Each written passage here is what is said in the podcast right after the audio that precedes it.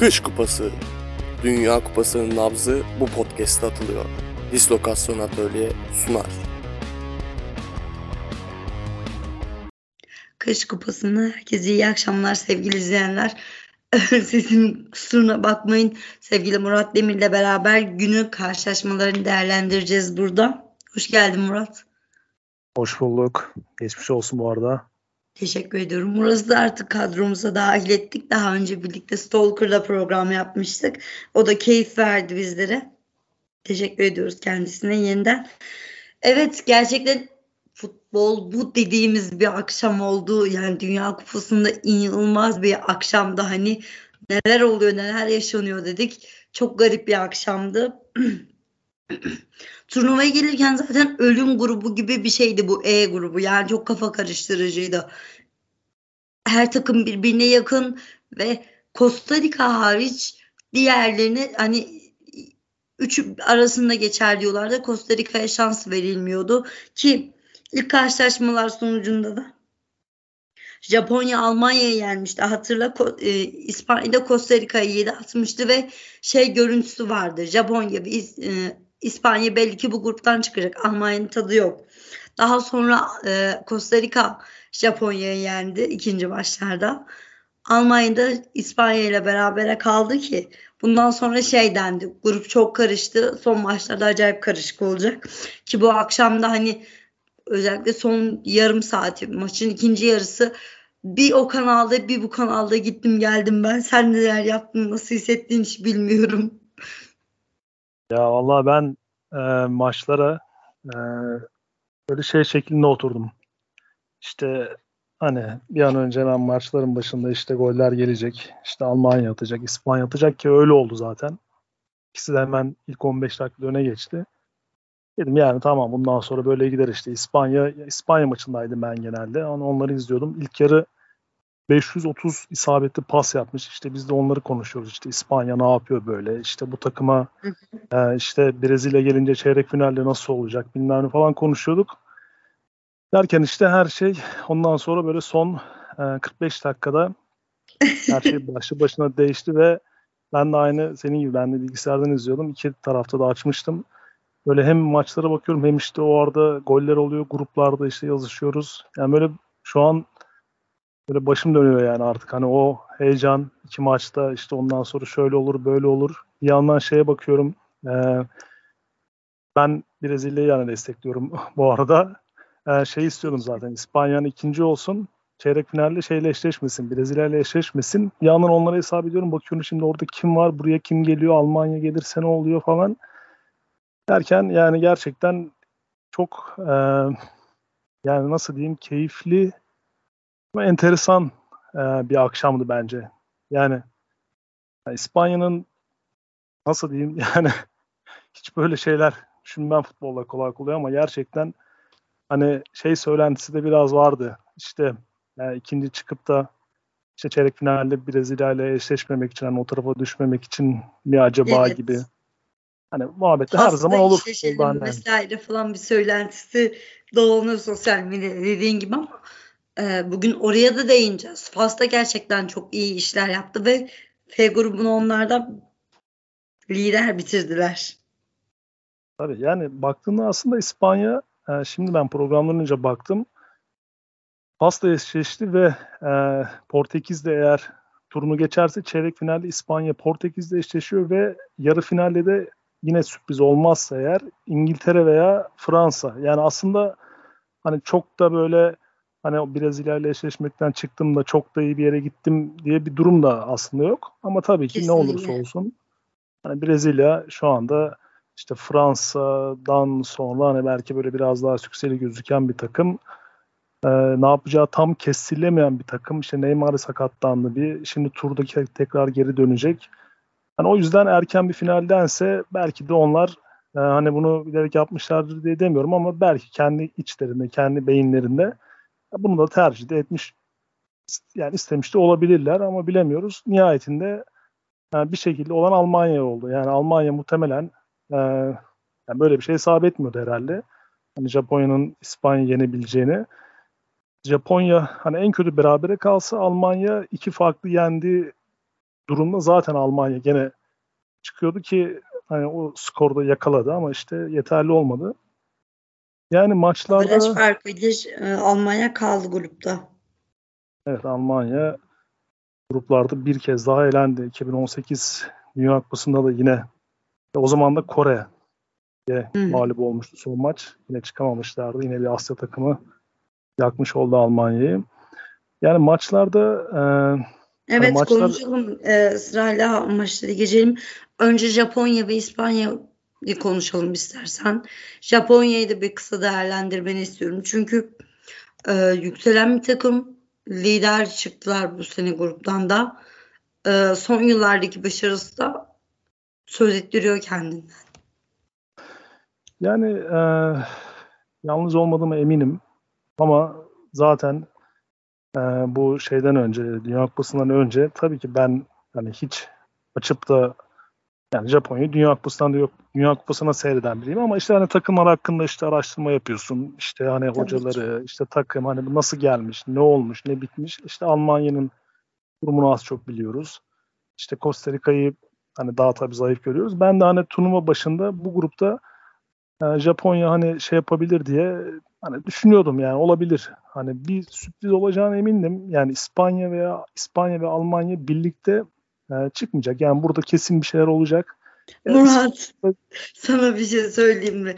Gerçekten yalnız değilsin, emin olabilirsin. Şöyle söyleyeyim. Turnuva öncesinde biz hem kış kupasında hem de em, diğer kanalımıza Tribün Ajansı'na yaptığımız programda Mert ısrarla dedi ki kulakları çınlasın. Japonya bu grupta sürpriz yapacak. Japonya bu grupta sürpriz yapacak. Bakın arkadaşlar gerçekten ben Twitter'da yazdım. Ee, Mert'in inanılmaz bir şey vardı bu konuda. Israr vardı ve haklı çıktı. Tebrik ediyorum kardeşim onu da buradan. Yani ben tabii ki bu kadar iddialı değildim. Sadece hani uzaktan bakıp hani bir sürpriz yaşanabilir. Çünkü böyle ölüm gruplarında yani tam yüzde yüz de ölüm grubu denmez. Çünkü hani net iki tane büyük var. Ama hani genelde sürpriz olur. En son böyle bir hatırladığım efsane bir grupta e, 2014 Dünya Kupası'nda Costa Rica büyük bir sürpriz yapmıştı. İtalya tam hatırlamıyorum ama İtalya, Costa Rica, Uruguay, İngiltere olabilir. Yani tam emin değilim. Costa Rica gruptan çıkmıştı. Bu sefer yapamadılar maalesef. Olmadı artık son şeyde. Yani Japonya dediğim gibi ben e, hani çok fazla böyle hakim olduğum, bildiğim ettiğim bir takım değil ama işte klasik Japonlar işte belli bir disiplin içerisinde işte Bundesliga'da oynayan iyi oyuncuları var.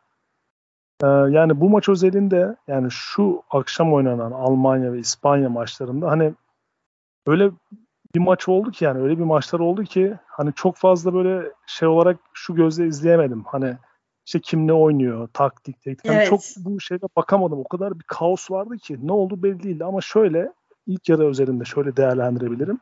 İspanya zaten çok klasik e, golü attıktan sonra bence İspanya'nın hatası birazcık şuydu. E, o bir golü attıktan sonra e, klasik olarak her zamanki gibi topu aldılar. Uzun uzun çevirdiler ama hani o arada o şeyle bir ikiyi de zorlasalardı hani atabilirdi. Japonya gelemiyordu. E, topu çok kısa sürede zaten İspanya tekrar kazanıyordu Japonya'dan. Orada Japonlar herhalde hani golü yemeyelim, maçı 1-0 götürelim. Aynı Almanya maçında olduğu gibi sonrasında ne olacağı belli olmaz herhalde şeyle oynadılar ki işte ondan sonra olan oldu ki Simon bayağı hatalı bir gol yedi bence. Ondan sonra ikinci golle gene bir tartışmalı gol gibi çizgiden işte çıktı mı çıkmadı ama muhtemelen çıkmamıştır. Yani bin tane teknoloji var zaten. Onu da artık bir şekilde o kamerayla ki en son bir fotoğraf gördüm. Çizgi kamerası hakikaten çıkmamış. Belli o iz düşümünde top çizgiye temas ediyor. Ama Almanya e, yani eğer dediğim gibi hani İspanya yani çok fazla bir teknik değerlendirme hani bu maç için hani ben pek yapamayacağım. Ama Almanya maçını belki değerlendirebiliriz ama ben e, Almanya'yı biraz daha şu açıdan değerlendirebiliriz diye düşünüyorum. Bu maçlar özelinde değil ama toplam genel grupta oynadıkları ve e, Flick'in bence tercihleri açısından da değerlendirmek gerekebilir diye düşünüyorum. Evet, e, oraya yavaş yavaş geçelim o zaman. Şimdi Almanya 2014'te dünya şampiyonu oldu. Tabii ki o kadroyla bu kadronun arasında dağlar kadar fark var. Bir kere o kadronun başında Joachim Löw vardı ki 2018 e, de gruptan çıkamadı 2018 Dünya Kupası'nın Rusya'da oynanan.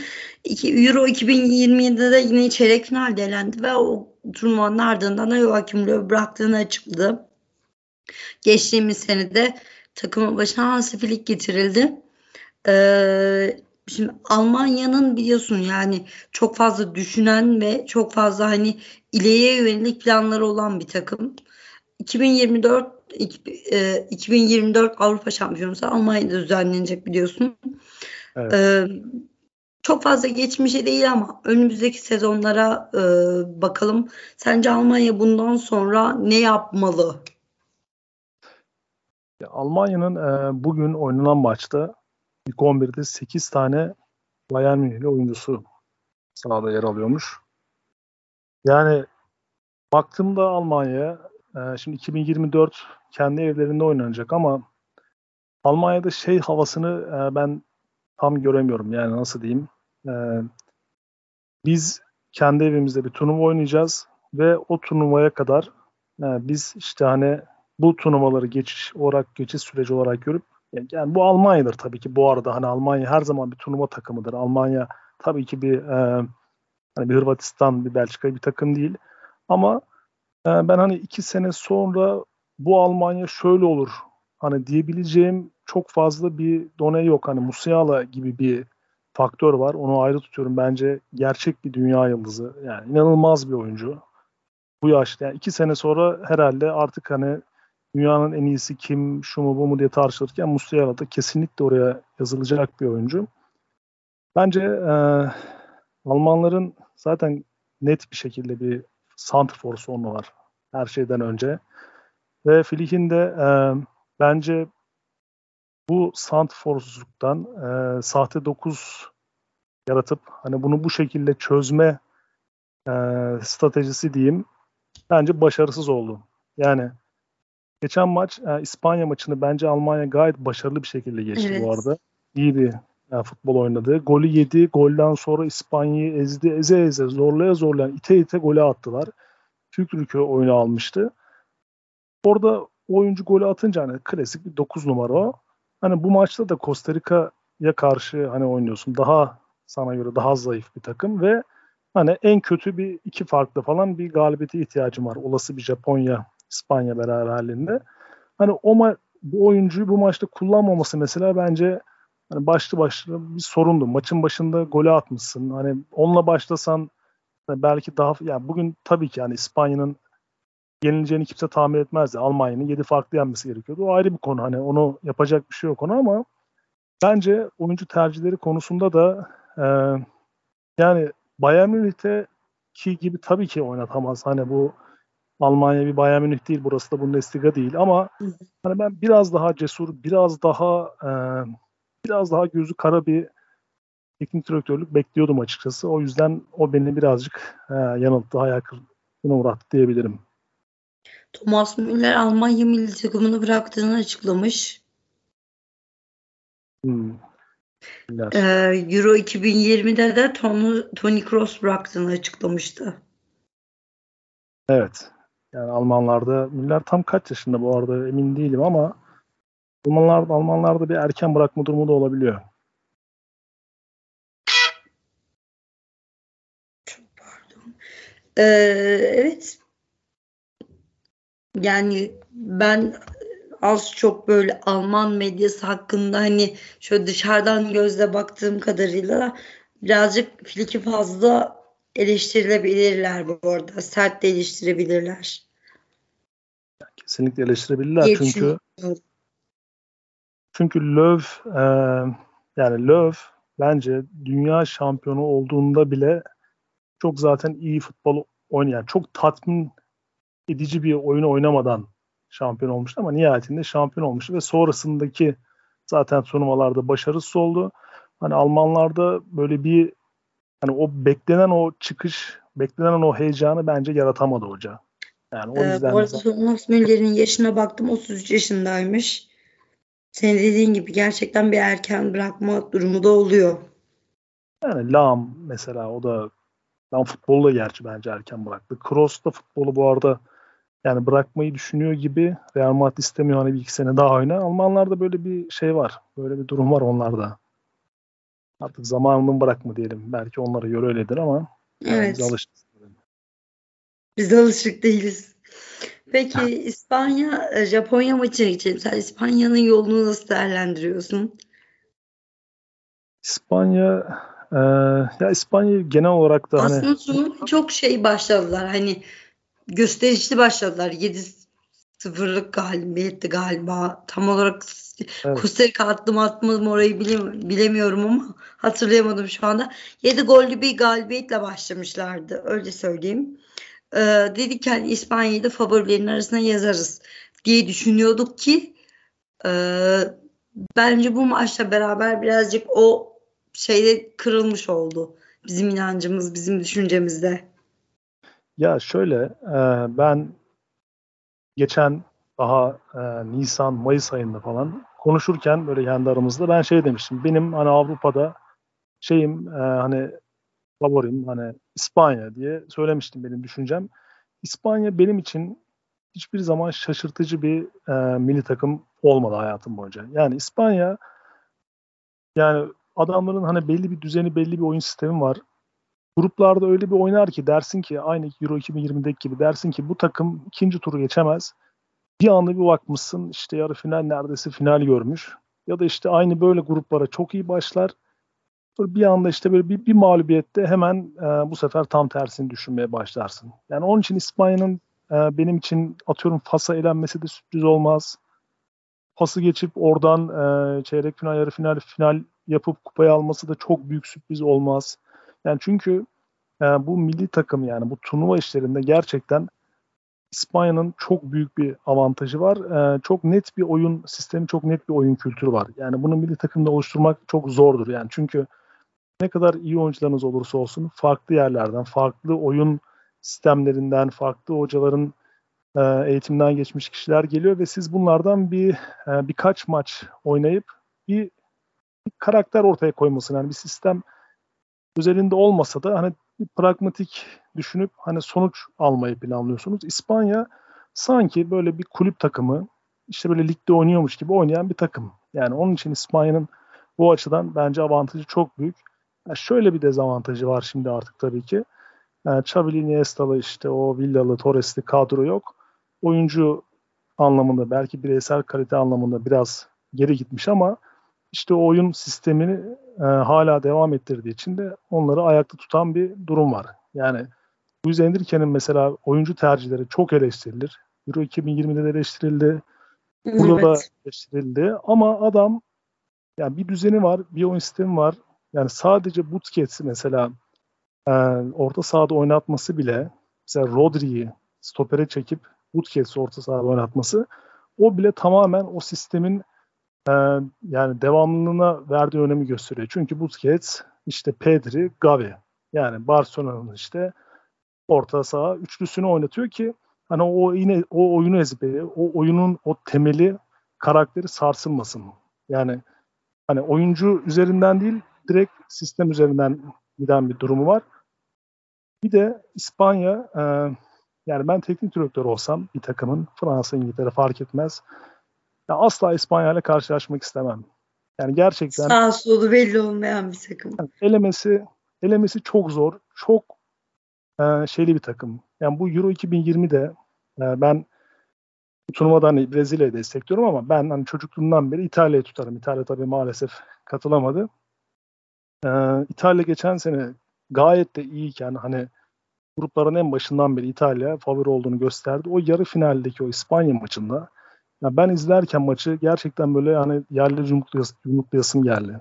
Ya bir takım hiç mi hani top vermez sana hani hiç mi böyle bir hani insana gerçekten ızdırap veriyor. Hani kendi takımına karşı izlediğinde o şeyi çok iyi anlıyorsun. Hani o oyuncular topun peşinden koşuyor. Bir de şöyle bir şey var. Şimdi İtalya, Fransa, İngiltere şimdi bu takımlar hep toplu oynamaya alışmış.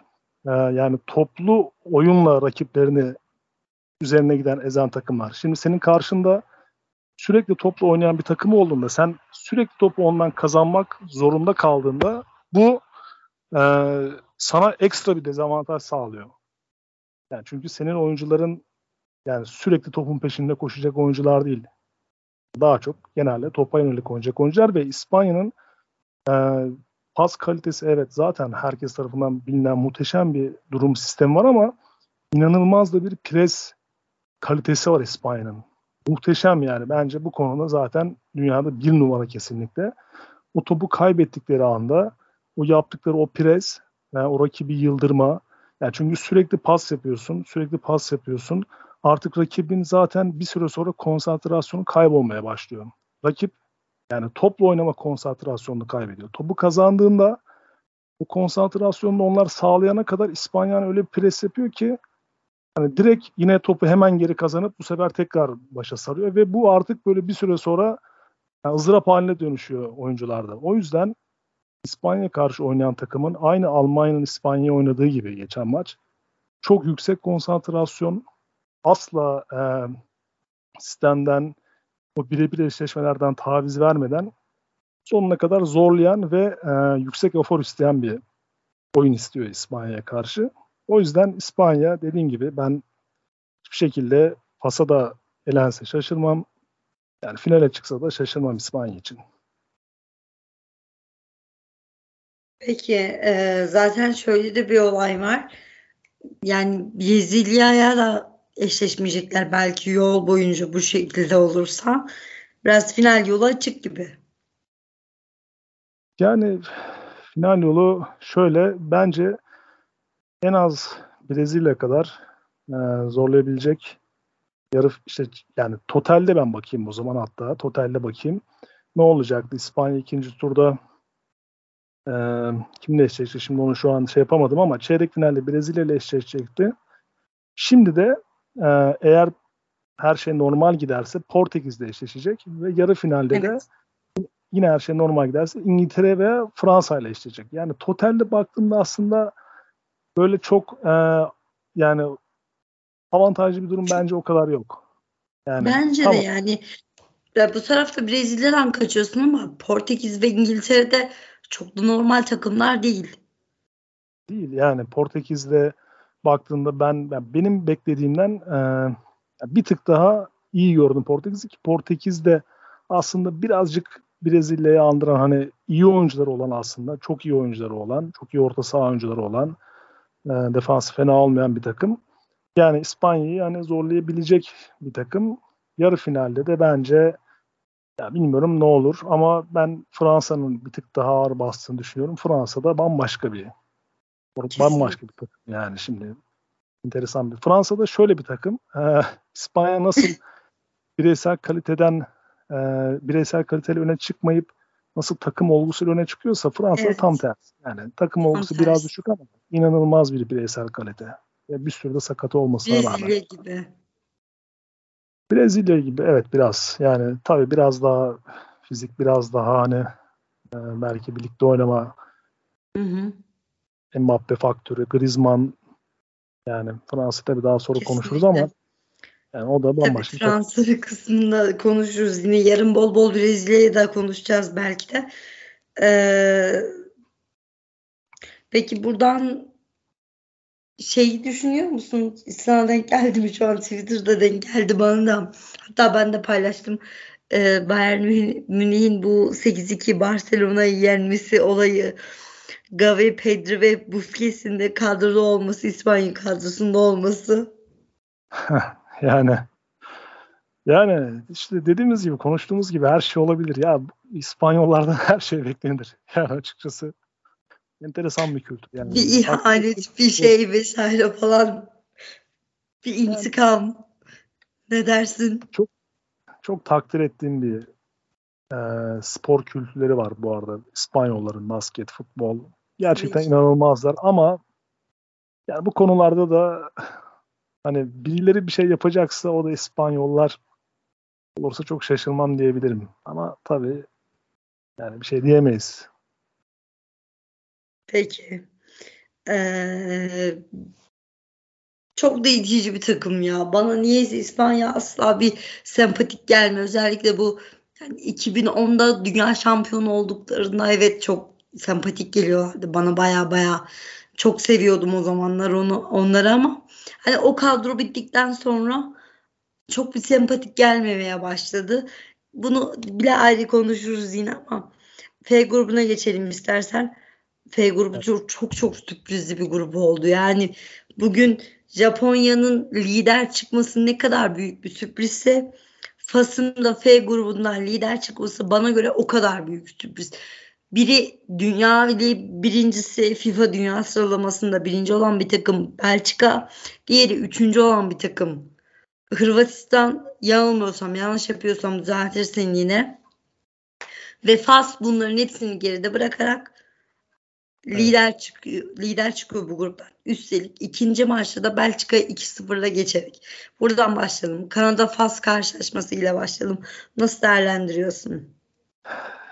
Yani e, ben şimdi aynı saatte uyandığı için e, bir İspanya, Almanya e, heyecanı, telaşı olmadığı için ben tabii Fas Kanada maçına hani çok küçük baktım. Bu arada çok hani izlemedim ama Fas tabii biraz daha hani tabii genel değerlendirmek lazım. Zaten grupta yaptığı sürprizdi yani diğer maçlarla da karışık bir şekilde komple takım olarak değerlendirirsek Fas'ı ben e, Hırvatistan maçında işte ilk 0-0 o kaldıkları maçta hani zaten beğendim. Hani bence ya zaten Fas'ın kadrosunda baktığında yani hepsi neredeyse Avrupa'nın böyle belirli üst seviye takımlarında oynuyor. Yani e, iyi bir hocaları var bence ve bu grupta Faz yani istediği her şeyi aldı. Yani Hırvatistan maçında beraberliği oynadı. Biraz çok durgun bir karşılaşmaydı. Biraz da Hırvatistan'dan da kaynaklanıyor. Hırvatistan da çok yaşlı bir takım. O maçtan beraberliğini aldı. Belçika maçıyla da e, bence şöyle oldu o da. E, ilk onlar Belçika'yı Kanada'ya karşı izlediklerinde yani Faz Hırvatistan'a oynadığı oyununu e, Belçika'yı oynamadı. Yani Faz Belçika'ya daha cesur çıktı. Daha atak çıktı. Hatta zaten işte bir tane attı offside oldu. Bir tane daha attı. Bir tane daha attı. Bunun da sebebi bence onların o Kanada maçını izleyip ya bu Belçika o kadar da şey değil yani biz bu Belçika yani yenebiliriz. Bence o mental durumu kafalarında önce oturtturdular. Belçika maçı bence onların zaten imza maçıydı. O maçta da izlerken e, şey düşündüm.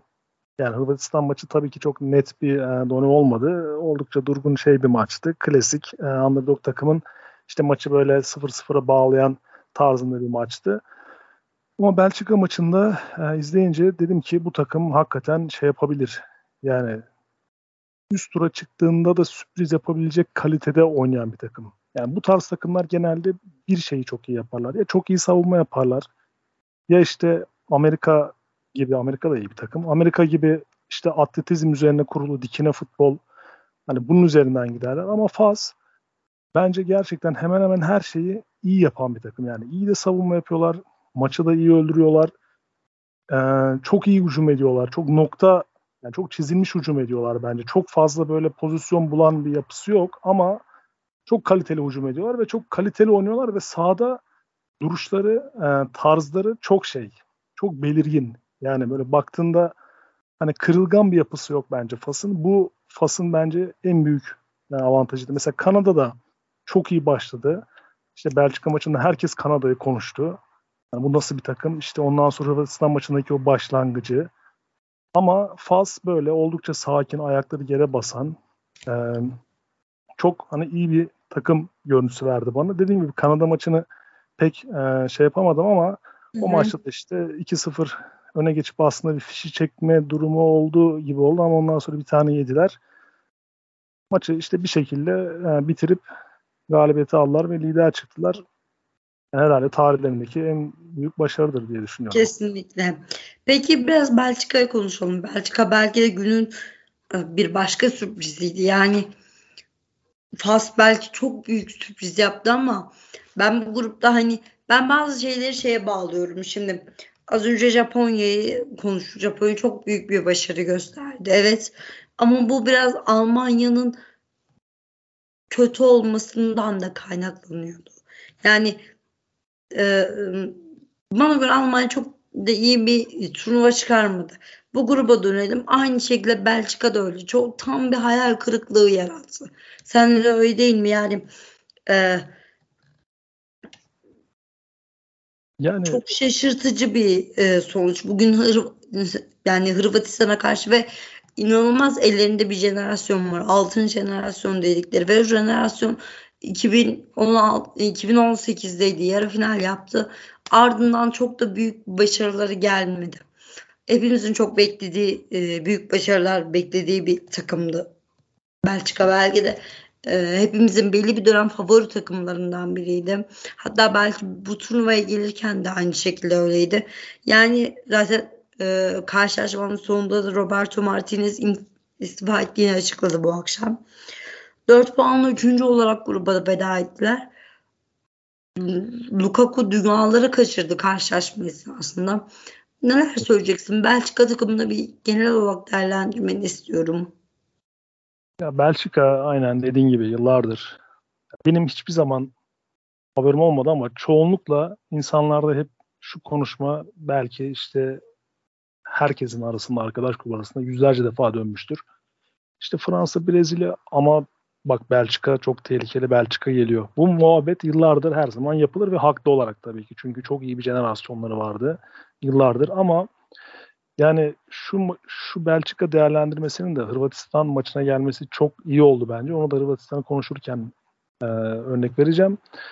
Belçika'nın e, bence en büyük sorunu yani bu yıllardır bir türlü o beklenen patlamanın yani tamam 2018 evet üçüncülük güzel bir başarı. Her zaman turnuvalara katılması, gruplardan çıkması, işte bazen çeyrek yapması falan tabii ki güzel ama o beklenen o doygunluğu bir türlü verememesinin bence en büyük sebebi Belçika'nın bir türlü o jenerasyonun e, etrafında o üstünde bir oyun karakteri, bir oyun kültürü oturtamaması oldu.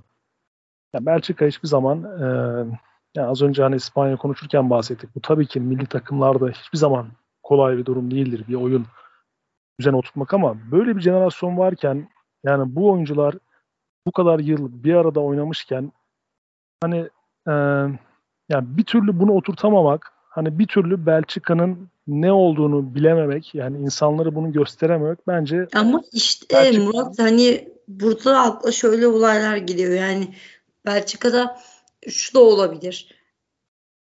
Yıldızlar topluluğu. Aynı yıldızlar topluluğu Brezilya'da da var. Aynı yıldızlar topluluğu Fransa'da da var. Fransa'da artık kaos da var. Düşün yani. Hani birlikte oynayamama senin oyun kültürü bence iki takımda da yok. Hani saydığımız üç takımda da yok. Belçika kötü etkilendi. Ya tabii o takımların ama büyük bir geçmişi var. Yani Belçika son Belçika bu atılımı aslında 2000'lerin başında 90'ların sonunda yapıyor. Çok kötü dibe vurduktan sonra aslında güzel bir hikayesi var. Yani yine de bu bir devrimdir tabii ki. Büyük başarıdır. Yani kulüp bugün Belçika e, kulüpler dünya sıralamasında işte milli takım birincisi ise işte e, Şampiyonlar Ligi'ne direkt takımlar gönderiyorsa ilk onun içerisindeyse işte Belçika liginden sürekli oyuncu ihraç ediyorsa işte bu bahsettiğimiz büyük yıldızları çıkartabiliyorsa ya bu tabii ki bir, büyük bir başarıdır. Bizim bahsettiğimiz sadece bunun milli takıma yansıması. Burada da Belçika 2010'dan hemen sonra bu hani bu çıkış oldu. Bu yıldızlar, işte De Bruyne'ler, işte Lukaku'lar, işte Mertens'ler hepsi bir araya geldi. Ama e, yani dediğim gibi bence tamamen bu olay e, şundan kaynaklanıyor. Belçika'nın o bir tarz bir türlü yaratamaması. Yani buradan Hırvatistan tarafından hani örnek vereceğim. Hırvatistan da iyi bir şey yakalamıştı. 2008'de Bilic'le başlayan güzel bir jenerasyon yakalamıştı. Tabii ki Belçika kadar çok ekstrem bir durumda değildi ama Hırvatistan bunun üzerine bir bir organizasyon kurdu. Yani bir oyun düzeni oturttu. Ve şu anda e, onların bireysel kalitesi düşmesine rağmen devam etmelerinin sebebi bu organizasyon. Belçika'nın e, devam edememesi son iki turnuvadır hani Euro 2020'de yine İtalya elendiler. Yine hani çok çok da başarısız demeyelim ama artık burada patlamasının sebebi o yani bugüne kadar hep bireysel kaliteyle geldiler ve o bireysel kalitenin artık biraz sendelemesiyle birlikte Belçika'da bence patladı yani. Çünkü e, senin net bir oyunun olmazsa, e, bir organizasyonun olmazsa Yani senin devam etme şansın yok. Dediğin gibi az önce örnek verdin. Evet. Yani kolay değil. Sadece İspanya'nın hani çok net bir oyun sistemi kültürü var. Fransa'da harika bir yani muhteşem bir takım oyun kültürü yok. 2018 alırken de bence çok iyi oynayarak almadı ama işte Tabii ki. Fransa'nın yani o Fransa işte o Brezilya bu adamlar bundan 50 sene önce de o kupayı Hı-hı. o kupalarda kafalara oynuyorlardı. İşte Çok doğru tespit. Ve e, peki burada Roberto Martinez'in e, dokunuşu nedir? Yani o dediğin oyunun kültürünü o mu getiremedi? Yani koca bir jenerasyonu çünkü onun tepki çok büyük. Ben bu konu hakkındaki düşüncelerini merak ediyorum. Ya ben Martinez'i e, bu turnuvada, bundan önceki turnuvada da dahil çok eleştirdim. Twitter'a yazdım ettim ama şuna o kadar katılmam. Bir jenerasyonu mahvetti, bir jenerasyonu işte yok etti gibi buna katılmam. Çünkü Martinez zaten e, tam emin değilim ama 2017'de 2016'da gelmiş olması lazım. Geldikten sonra da e, ya zaten o geldiğinde oluşmuş bir e, iyi bir işte iyi oynayan böyle oluşmuş bir temel oyun karakteri de yoktu. E, geldi 2018'de de üçüncü yaptı. Dünya Kupası'nda üçüncü oldu. Ya, bence çok iyi bir teknik direktör değil ama e, bu bahsettiğim bu bahsettiğim oyun sistemi, oyun kültürü, oyun organizasyonu bunlar sadece bir tane teknik direktörün gelip de yapacağı şeyler değil.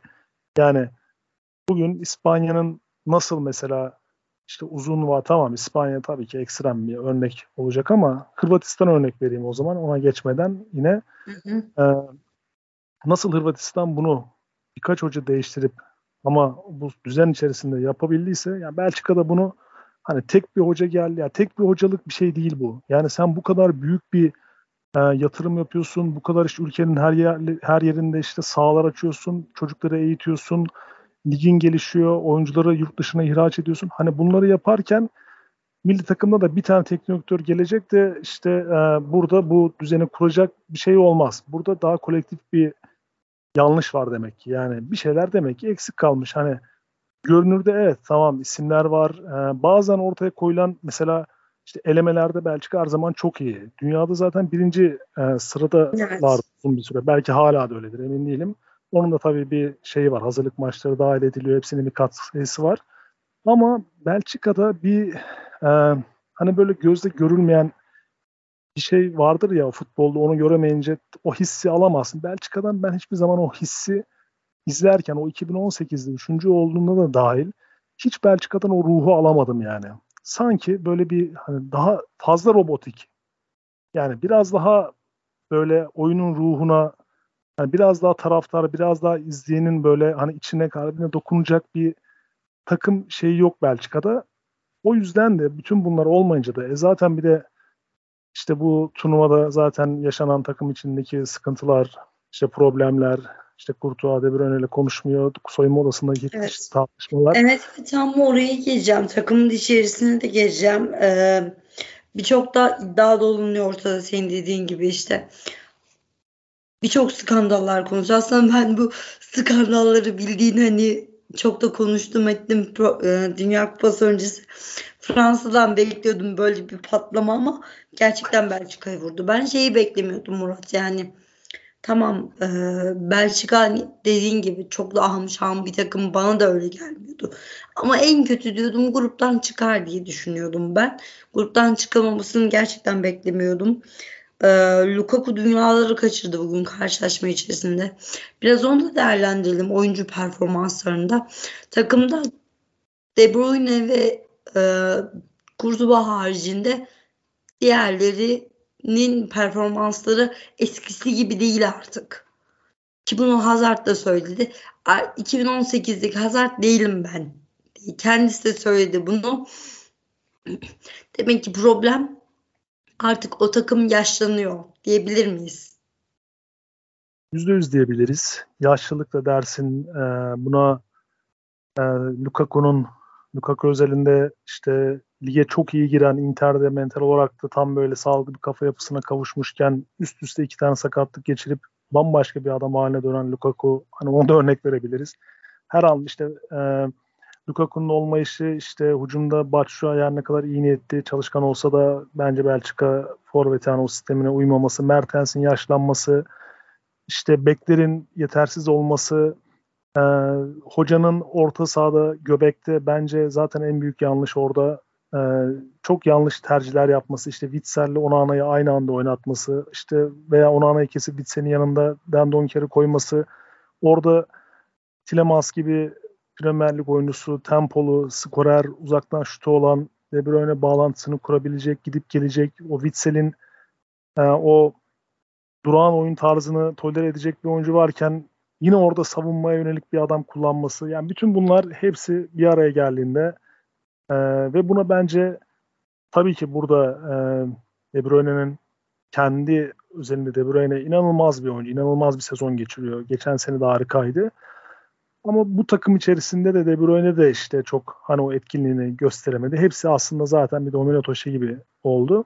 Ve sonucunda da işte ortaya bu şekilde bir durum çıktı. De Bruyne'nin turnuvanın ilk maçından sonra yaptığı açıklamayla zaten işte bir şeyler başladı. Belki ondan önce de başlamıştı bilemiyoruz. Kurtuğa'nın açıklaması işte Kurtuğa şey dedi e, hani yaşlılıkta yaşlılıktan kaynaklanmıyor. Öyle olsa işte hani biz Real Madrid'de Modric'le falan hani olmaz diye söylemişti. Sonra galiba tam emin değilim ama Vertonghen dedi galiba e, herhalde hücumda da çok yaşlıyız. Orada da çünkü gol atamıyoruz gibi bir şey söyledi. Burada bence tabii ki buradaki tek e, kabahatli asla De Bruyne olamaz. Harika bir oyuncu, muhteşem bir oyuncu.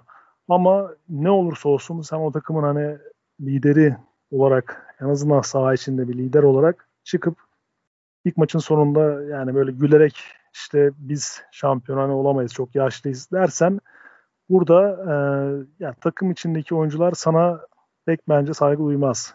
Yani bu taraftarın da sen bence ya biz bilmiyor muyuz yani izleyenler bunu görmüyor mu? Belçika tabii ki biz de biliyoruz Belçika'nın şampiyon olma şansının az olduğunu ama yani böyle bir şey denmez yani. Bu taraftarı da bence e, taraftarın da hevesini kırar. İzleyiciye de yanlış mesaj olur. E, senin işte saha içindeki arkadaşlarına da olumsuz bir mesaj olur. Yani onların motivasyonu düşürür. Bence orada da hani saha içindeki o durumlardan hariç burada bence olay başlamış ama zaten daha öncesinde de problem varmış. İşte De Bruyne Kurtuğa arasında. İşte ondan sonra bu demeçten sonra başka demeçler. Belliydi yani bütün bunlara rağmen dediğin gibi Lukaku o kadar golü kaçırmasa bütün bunlara rağmen gene çıkacaktı Belçika gerçi. Yani o da futbolun ayrı bir şeyi.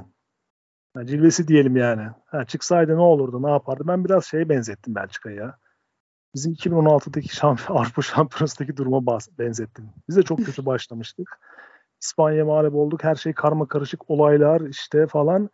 Sonra evet. bir anda son maçta işte birkaç oyuncu değişiklik derken işte bir anda istediğimiz skoru aldık ama bu sefer işte İsveç İtalya maçında gelen sonuçtan son anda gene çıkamamış olduk ama totalde baktığında ya bu takım aslında hak etmiyor. Bunu diyorsun. Bugün Belçika mesela belki maçı hak etti. Bir sürü pozisyona girdi hakikaten. Evet. Ama totalde baktığında yani bu Belçika çıkamasa da hani kimse üzülmemiştir herhalde diye düşünüyorum. Kesinlikle. Çok haklısın. Ee, futbolda gerçekten futbolun olduğunu hissettiğimiz ve aman yarabbi dediğimiz bir günü geride bıraktık. Biz bu oyunu seviyoruz. Daha ileri gidelim. Biz bu oyuna aşığız gerçekten. Ee, inanılmaz bir akşamdı. Bir o maça gittim ben bir bu maça gittim. Ee, çok keyifli karşılaşmaları geride bıraktık. Bakalım Dünya Kupası bizi daha başka hangi sürprizleri getirecek? Şey yapmayalım ama e, haksızlık etmeyelim. Hırvatistan'ı da Hırvatistan'dan da az da olsa bahsetmemiz lazım. Tabii yani, ki. Hırvatistan'da evet, ben bence... kapatıyordum aslında ama sen güzel hatırlattın. Evet Hırvatistan'dan da bir... bahsedelim. Çünkü hak ediyor gerçekten Hırvatistan'da kendisinden bahsedilme. 2018 New York aynı Belçika gibi onlar da işte hani bahsettiğimiz güzel bir jenerasyon yakaladı 2008'den beri. Ama onların işte Belçika'dan farkı üzerinde bir organizasyon, bir oyun inşa etmeleri oldu ve Kim bunun sonucunda efendim onlar da ikinci olarak çıktılar gruptan. Evet. Hırvatistan da gruptan çıkmayı başardı. Yani e, ben 2010 işte bu jenerasyon, bu organizasyon en son 2018 Dünya Kupası finalini gördü ve ondan sonra Hırvatistan artık tabii ki doğal olarak zaten hem oyuncuların yaşlanması hem bence o bireysel kalitede olan oyuncuların yerlerine aynı oyuncuları koyamamalarıyla birlikte yavaş yavaş tabii ki düşüş başladı ama ben 2000, Euro 2020'de ve bu turnuvada hep Hırvatistan'dan şunu bekliyordum. Yani bu takım ne zaman dibe vuracak acaba? Bu takımın artık bir dibe vurması lazım ama bir türlü adamlar dibe vurmuyor. Bunun sebebi işte e, o Belçika'nın yapamadığı aslında.